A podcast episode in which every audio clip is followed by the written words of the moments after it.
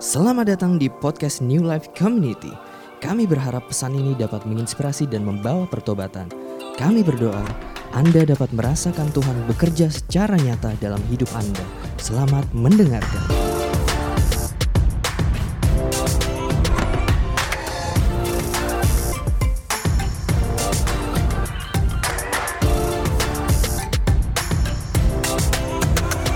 Shalom teman-teman NLC, uh, senang boleh kembali berjumpa dengan teman-teman meskipun kali ini masih secara virtual karena pandemi yang uh, belum berakhir hingga saat ini. Um, tapi saya percaya bahwa pertemuan kita pada siang hari ini akan punya satu makna yang sama, satu makna yang juga berarti apabila Yesus sungguh-sungguh menjadi pusat dari pemberitaan dan apa yang teman-teman dengarkan pada saat ini. Karena itu sebelum kita merenungkan firman uh, Allah lebih jauh lagi, saya ajak kita untuk berdoa bersama-sama terlebih dahulu. Bapak di dalam surga kami bersyukur kalau pada siang hari ini kami boleh kembali mendengarkan sebagian dari isi hatimu. Uh, kiranya roh kudus yang menuntun setiap uh, pemberitaan firman pada saat ini itu boleh sungguh-sungguh menjadi kekuatan, itu boleh sungguh-sungguh menjadi pegangan bagi kehidupan setiap kami setiap harinya. Uh, karena itu Roh Kudus tolonglah kami, biarlah kami mengerti apa yang telah Tuhan tuliskan dan kami boleh membacanya dengan pengertian yang sama yang datang daripada Engkau sendiri ya Allah. Di dalam Yesus Kristus Tuhan kami, kami berdoa dan kami bersyukur. Amin. Oke teman-teman, sebagaimana minggu lalu Brother Merrick sudah membahas mengenai tema bulan ini di NLC, teman-teman akan membahas satu tema yaitu uh, foolproof life, satu kehidupan yang kebal, kehidupan yang tahan terhadap kebodohan yang uh, mungkin harus teman-teman hadapi di mana pun teman-teman berada, apalagi di tengah situasi yang sedang kita hadapi pada saat ini. Um, minggu lalu Brother Merrick dengan sangat jelas sudah membahas mengenai uh, orang-orang uh, yang naif, teman-teman, uh, orang-orang yang bebal, orang-orang yang mungkin suka nyinyir, dan kita akan membahas satu tema hari ini yaitu um, mengapa hikmat diperlukan? Why wisdom? Uh, karena itu saya ajak kita untuk membuka satu teks di dalam Alkitab di kitab Ayub pasal yang ke-12 ayat yang ke-12 sampai ayat yang ke-13. Ayub 12 ayat 12 sampai 13. Demikian firman Tuhan. Konon hikmat ada pada orang yang tua dan pengertian pada orang yang lanjut umurnya. Tetapi pada Allah lah hikmat dan kekuatan. Dialah yang mempunyai pertimbangan dan pengertian. Um, teman-teman, bagi kebanyakan orang kita tentu berpikir bahwa hikmat ditentukan dari seberapa banyak pengalaman yang telah dialami oleh seseorang, yang telah diterima seseorang di dalam kehidupannya. Makanya kerap kali orang mengaitkan bahwa seorang yang lebih berusia atau orang yang lebih lama menjalani kehidupan di tengah dunia ini, dia biasanya lebih berhikmat ketimbang daripada orang-orang yang lebih muda. Tetapi kita membaca dari teks Ayub tersebut bahwa ternyata uh, Allah menunjukkan bahwa hikmat bukan didasarkan pada usia seseorang, atau kalau kata uh, bahasa Indonesia atau peribahasa dalam uh, bahasa Indonesia yaitu bukan atas dasar asam garam yang diterima oleh seseorang dalam dunia ini. Tetapi pada Allah lah hikmat dan kekuatan. Jadi jika teman-teman yang mungkin masih sangat muda atau mungkin juga uh, masih ABG aku belum gocap teman-teman bisa memahami dari teks itu bahwa hikmat dan kekuatan hanya datang dari Allah. Teman-teman, bukan berarti bahwa lalu kita tidak me, me, mencari tahu mengenai pengertian yang dapat kita terima dari buku-buku, dari orang-orang yang lebih senior dari kita. Bukan itu, tetapi dasarnya adalah Allah yang merupakan sumber hikmat sendiri. Kita bisa menerima banyak input dalam kehidupan kita, tetapi hanya Allah lah yang bisa memberikan pertimbangan yang benar, pengertian yang benar kepada setiap kita. Ketika kita bicara tentang hikmat teman-teman, sering kali kita mengaitkannya dengan kekayaan dan ketenaran. Di mana semakin besar hikmat yang dimiliki seseorang, maka semakin kayalah dia, semakin tenarlah dia, semakin nyaman kehidupannya, semakin besar nama yang dimilikinya. Artinya hikmat selalu atau sering kali dikaitkan dengan sebuah kehidupan yang baik. Jika memiliki hikmat dalam menjalani kehidupan, maka kita akan memiliki semua tawaran yang baik dalam kehidupan. Teman-teman bisa kerja di tempat yang terbaik, teman-teman bisa mempunyai pasangan yang terbaik, teman-teman bisa punya penghasilan yang terbaik. Tapi apakah hikmat menurut Allah bicara tentang hal-hal seperti itu?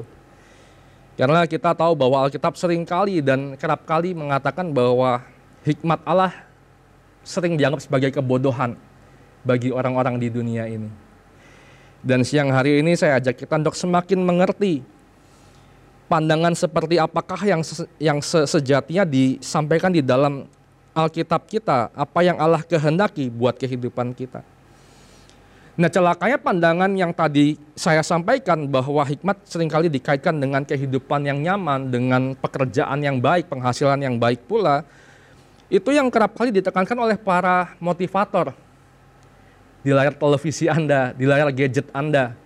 Dan sayangnya ini menjadi satu patron yang ternyata dipercaya oleh banyak orang.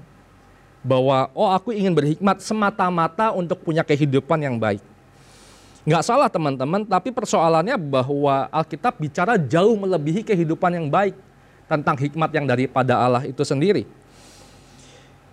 Kalau kita hanya mendengarkan apa yang dikatakan motivator di sekitar kita yang pernah kita dengarkan misalnya, sering kali yang disampaikannya nggak membuat kehidupan para audiensinya itu berubah, nggak membuat uh, satu perbaikan kehidupan dari para penonton atau pendengarnya hanya kerap kali membuat sang motivator itu lebih disanjung, lebih dikenal, dan menambah kekaguman para pendengarnya.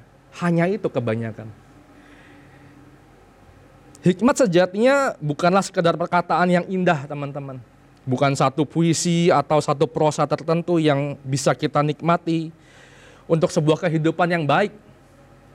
Tetapi hikmat sesungguhnya merupakan sebuah pengertian yang tepat untuk kita dapat bertahan pada situasi yang terburuk sekalipun.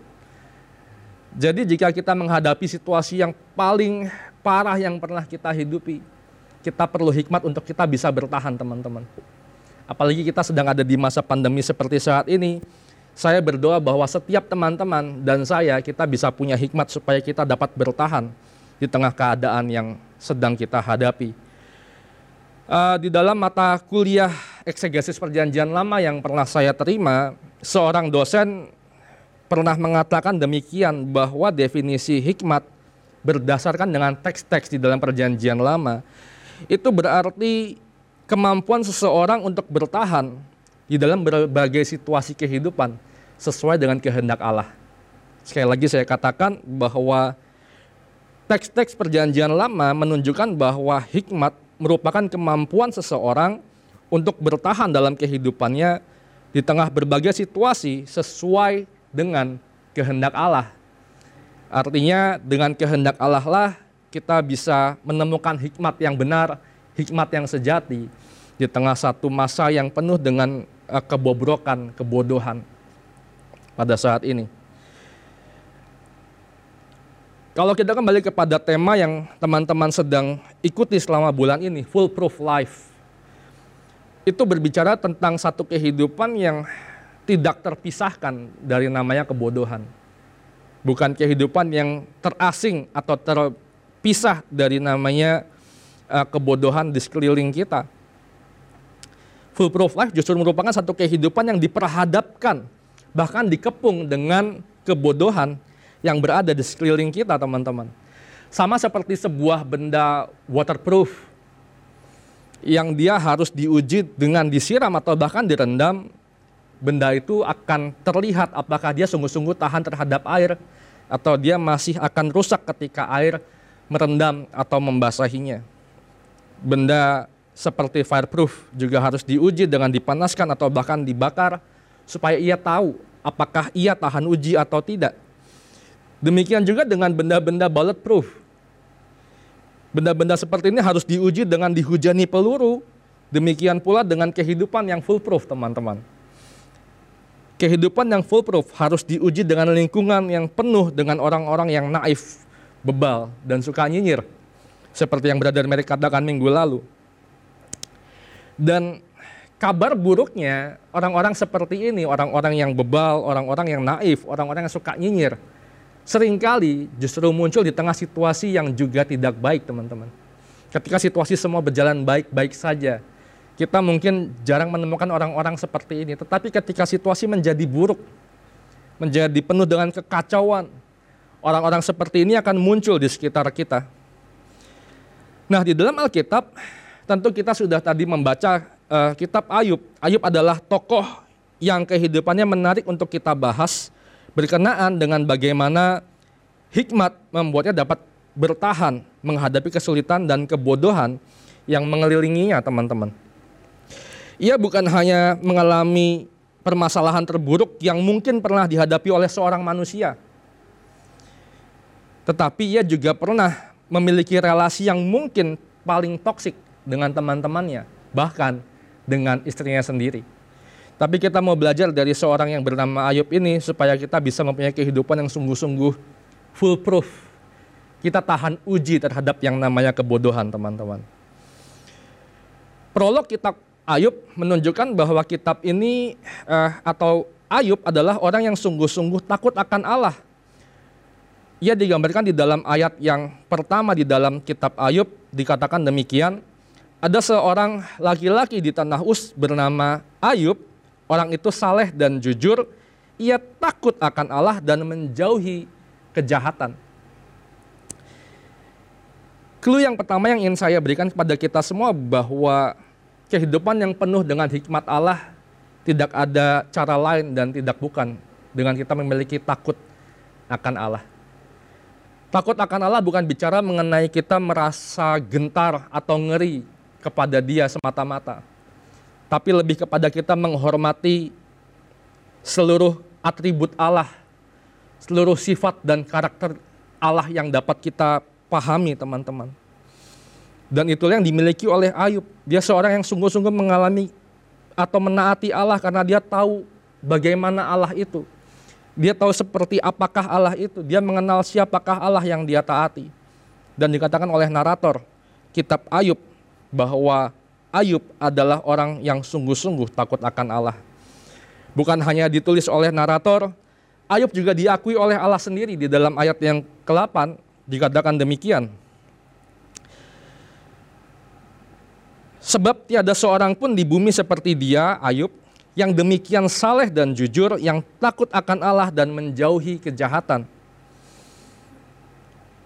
Yang pertama narator mengatakan demikian, yang kedua Allah juga mengakui demikian dan bukan hanya dua uh, karakter ini teman-teman dan karakter ketiga juga tidak meragukan sikap Ayub yang takut akan Allah yaitu iblis itu sendiri. Di dalam ayat yang ke-9 iblis pun berkata demikian. Meskipun dengan nada negatif tetapi dia mengakui bahwa Ayub adalah seorang yang takut akan Allah. Lalu jawab iblis kepada Tuhan, apakah dengan tidak mendapat apa-apa Ayub takut akan Allah? Meskipun suasananya sedikit negatif teman-teman, tetapi iblis pun mengakui bahwa Ayub seorang yang takut akan Allah di tengah situasi yang dia miliki, dia melihat, oh orang ini takut akan Allah hanya. Iblis meragukan kemurnian dari sikap Ayub ini. Dia meragukan bahwa mengapa Ayub harus takut akan Allah. Mengapa Ayub harus taat kepada Allah? Apakah hanya karena dia memiliki semua yang baik dalam kehidupannya? Dia punya anak-anak yang terbaik. Dia punya harta benda yang sangat banyak. Persoalannya dimulai ketika iblis mulai mempertanyakan hal itu. Apakah Ayub takut akan Allah hanya untuk memperoleh upahnya atau ia melakukannya tanpa kepentingan tertentu? Dan kita tahu kemudian teman-teman melalui dua tahap dalam kehidupan Ayub. Ujian terberat dalam kehidupannya yaitu yang pertama Ayub kehilangan harta benda dan anak-anaknya. Yang kedua, Ayub pun harus kehilangan kesehatannya. Setelah dua hal ini dilalui oleh Ayub, kita tahu sama-sama bahwa Ayub tetap berdiri teguh dalam imannya kepada Allah sebagaimana tertulis di dalam Ayub 2 ayat 10. Dalam kesemuanya itu Ayub tidak berbuat dosa dengan bibirnya. Artinya tidak ada perkataan yang buruk tentang Allah dari mulut ya dan kita sama-sama tahu bahwa apa yang keluar dari mulut itu keluar dari hati kita dan menunjukkan bahwa di dalam hatinya pun Ayub tidak berdosa sama sekali kepada Allah. Dan ini yang harus kita sama-sama pegang teman-teman. Jika teman-teman ingin punya hikmat yang benar kepada Allah, jangan jadikan takaran situasi di sekitar kita sebagai acuan apakah kita sungguh-sungguh perlu untuk taat kepada dia atau tidak.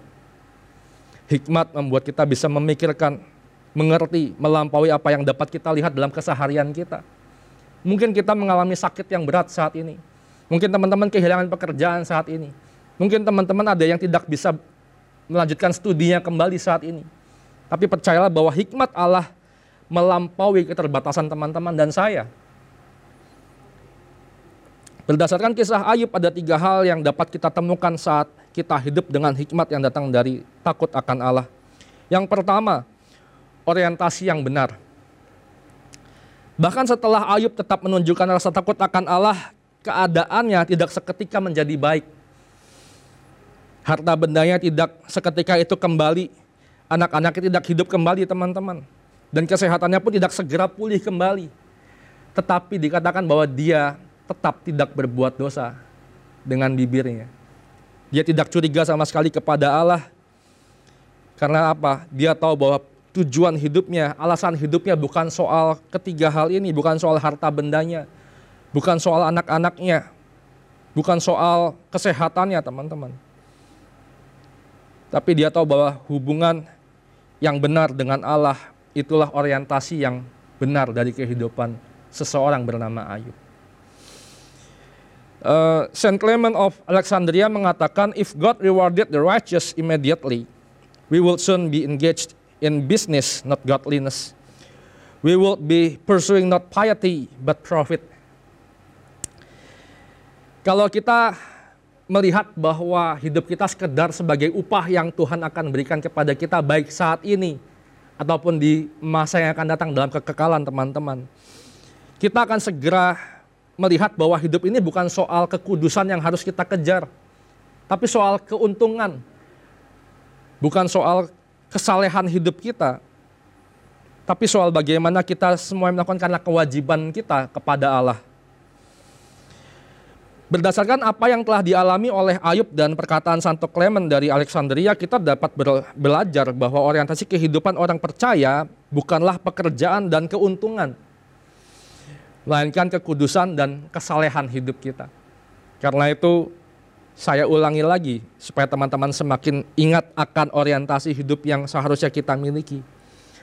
Orientasi kehidupan orang percaya bukanlah pekerjaan dan keuntungan, melainkan kekudusan dan kesalehan. Bukan soal kewajiban, tapi soal hubungan kita dengan Allah. Itu yang pertama, teman-teman. Jika kita punya hikmat yang benar, yang datang dari takut akan Allah, kita akan punya orientasi yang benar. Yang kedua, motivasi yang benar.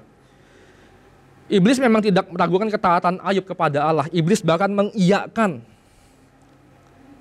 ketaatan Ayub kepada Allah, tetapi ia meragukan motivasi Ayub.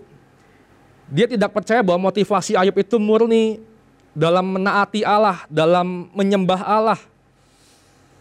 Tetapi hikmat yang datang dari takut akan Allah yang membuat Ayub dapat memiliki motivasi yang benar di dalam menjalani kehidupannya.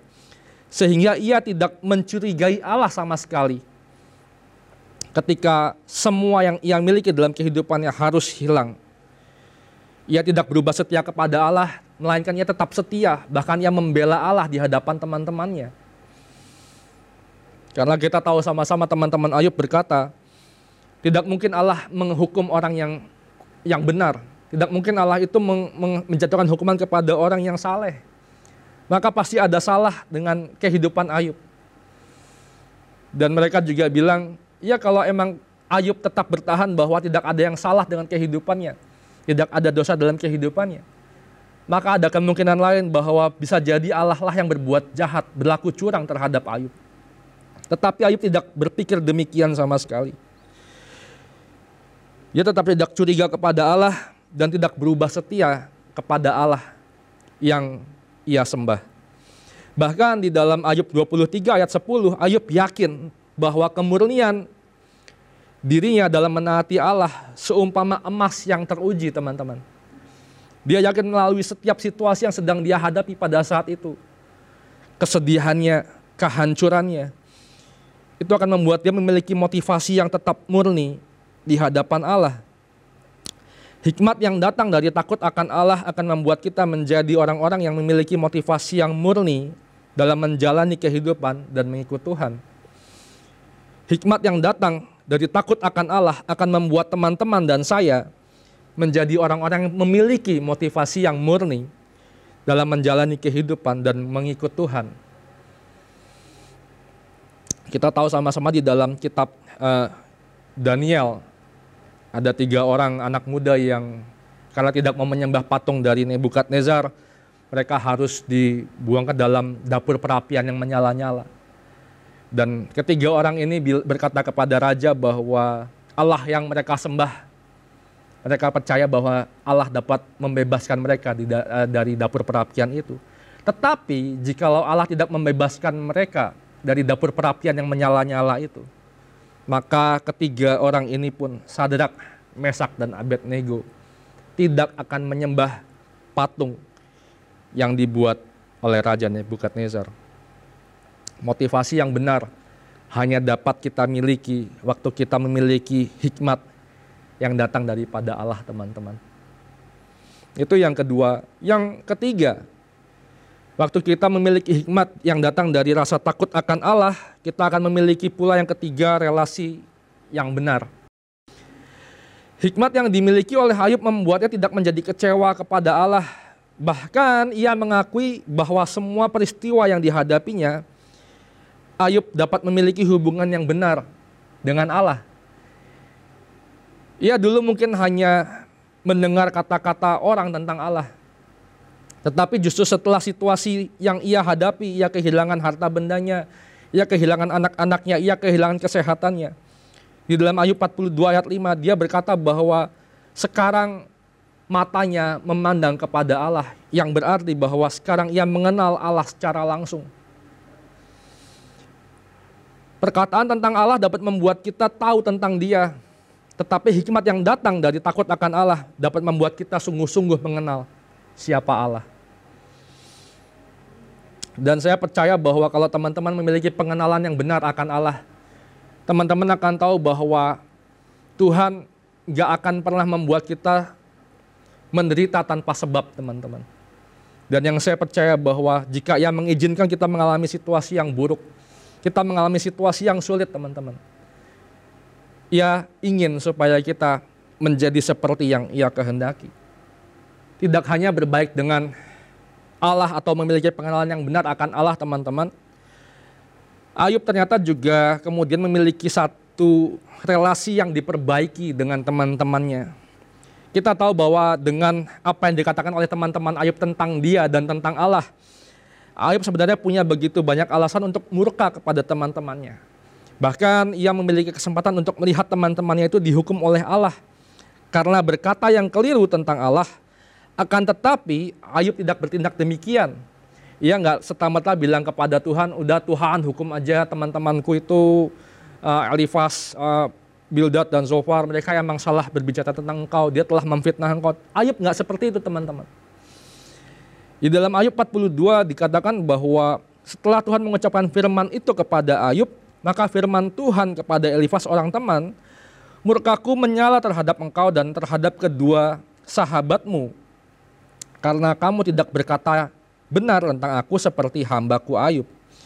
Oleh sebab itu ambillah tujuh ekor lembu jantan dan tujuh ekor domba jantan dan pergilah kepada hambaku Ayub lalu bersembahkanlah semuanya itu sebagai korban bakaran untuk dirimu. Dan baiklah hambaku Ayub meminta doa untuk kamu karena hanya permintaannya lah yang akan kuterima supaya aku tidak melakukan aniaya terhadap kamu. Sebab kamu tidak berkata benar tentang aku seperti hambaku Ayub. Ayub bisa aja nggak perlu berdoa untuk mereka teman-teman. Nggak perlu berdoa untuk uh, Elifas, untuk uh, Bildad, untuk Zopar.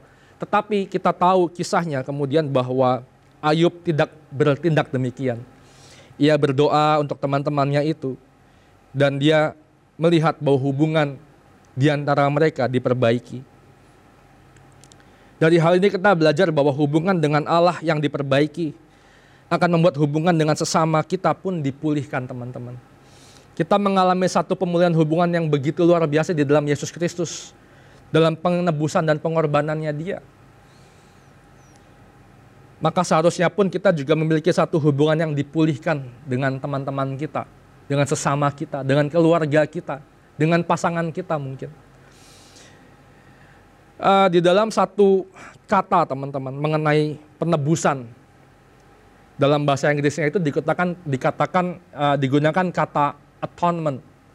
Yang saya sangat suka dengan pembelahan kata-kata ini yang dapat kita baca at one man di dalam kemenyatuan. Dan saya percaya bahwa kalau teman-teman tahu bahwa teman-teman telah ditebus dengan darah yang mahal dengan di dalam pribadi yang begitu luar biasa, yang begitu mengasihi kita, maka seharusnya pun kita juga berani untuk berbaik dengan siapa pun yang telah menyakiti kita.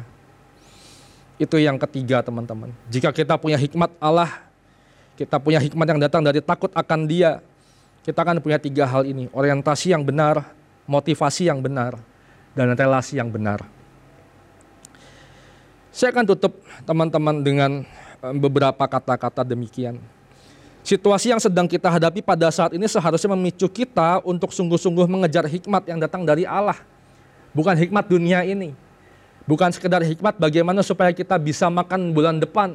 Supaya bagaimana kita bisa hidup bulan depan. Tapi hikmat yang melampaui itu. Supaya kita sungguh-sungguh berpikir bahwa kita akan memiliki satu kehidupan yang sesuai dengan kehendak Allah. Di tengah-tengah situasi yang sedang kita hadapi pada saat ini. Kalau kita sungguh-sungguh mengejar hikmat yang datang dari Allah, kita nggak akan cuma mengejar kekayaan, ketenaran, kesenangan atau kenyamanan. Melainkan kita akan memiliki orientasi yang benar, motivasi yang benar, dan relasi yang benar sebagai orang percaya. Hikmat yang dari Allah adalah vaksin bagi kehidupan yang diperhadapkan dengan kesulitan dan kebodohan di tengah-tengah dunia pada saat ini. Saya berdoa bahwa kiranya teman-teman sungguh-sungguh mengerti bahwa jika kita punya hikmat yang datang dari Allah, kita nggak akan menjadi orang-orang yang bebal. Kita akan jadi orang-orang yang sekedar mencari keuntungan diri sendiri. Tapi kita sungguh-sungguh melihat dan mencari kesempatan bagaimana Allah dinyatakan di tengah-tengah dunia ini yang membutuhkan pertolongannya.